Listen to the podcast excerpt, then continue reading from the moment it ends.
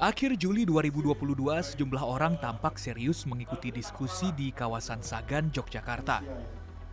Mereka berkumpul bukan untuk membahas isu biasa. Mereka berkumpul untuk membahas fenomena UFO, Unidentified Flying Objects. Pada sekitar tahun 90 bulan Juli, ya, perpisahan uh, SMA, kelas 2 SMA, itu kita satu kelas uh, nginep di satu villa di Puncak Bogor. Nah, saya uh, waktu itu karena saya nggak suka begadang, saya sudah tidur tuh jam 9. Ya, teman-teman masih main gitar di di di atap kan, di atap villa. Apa tuh jam 12 saya bangun. Ya, jam 12 saya bangun, terus saya ngeliat di langit itu kayak ada bola bola berbentuk oval. Nah, terangnya kayak bulan. Nah, langit tuh cerah. Terangnya kayak bulan dan bulan tuh ada di tempat yang lain, jadi itu bukan bulan. Sentot tidak sendiri. Sebagian anggota komunitas ini mengaku pernah melihat UFO. Jadi yang saya lihat itu bola ya, bola warna oranye, terus dia itu berotasi gitu. Ketika dia berotasi, dia berwarna biru seperti biru langit. Jadi kejadian tuh waktu itu pukul pagi hari kok, nggak sampai siang. Jadi matahari asli itu masih ada, matahari masih ada.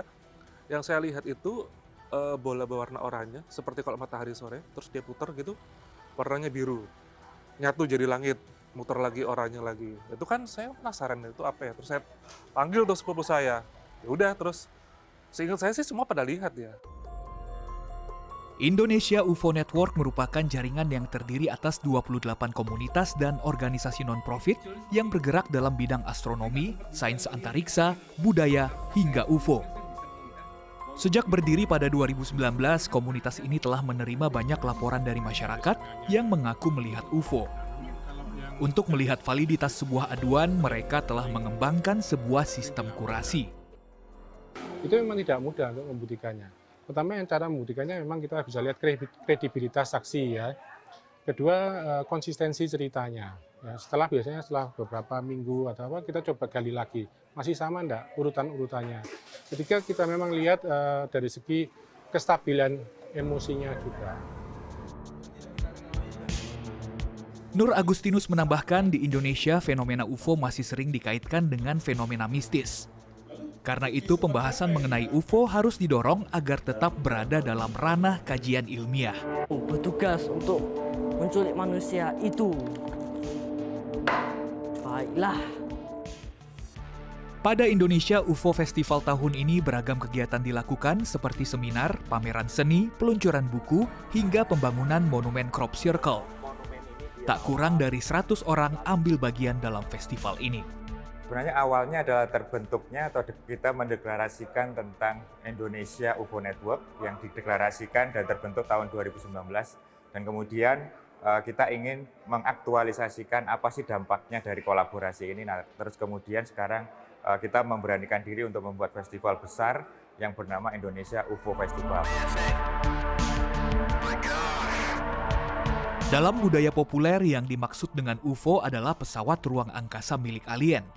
Namun istilah UFO sebenarnya pertama kali digunakan oleh Angkatan Udara Amerika Serikat pada 1953 untuk mengacu pada benda terbang yang memiliki performa, karakter aerodinamika, atau fitur lain yang sulit dijelaskan. Di dalam kajian ilmiah, fenomena UFO masuk dalam kategori pseudoscience atau sains semu.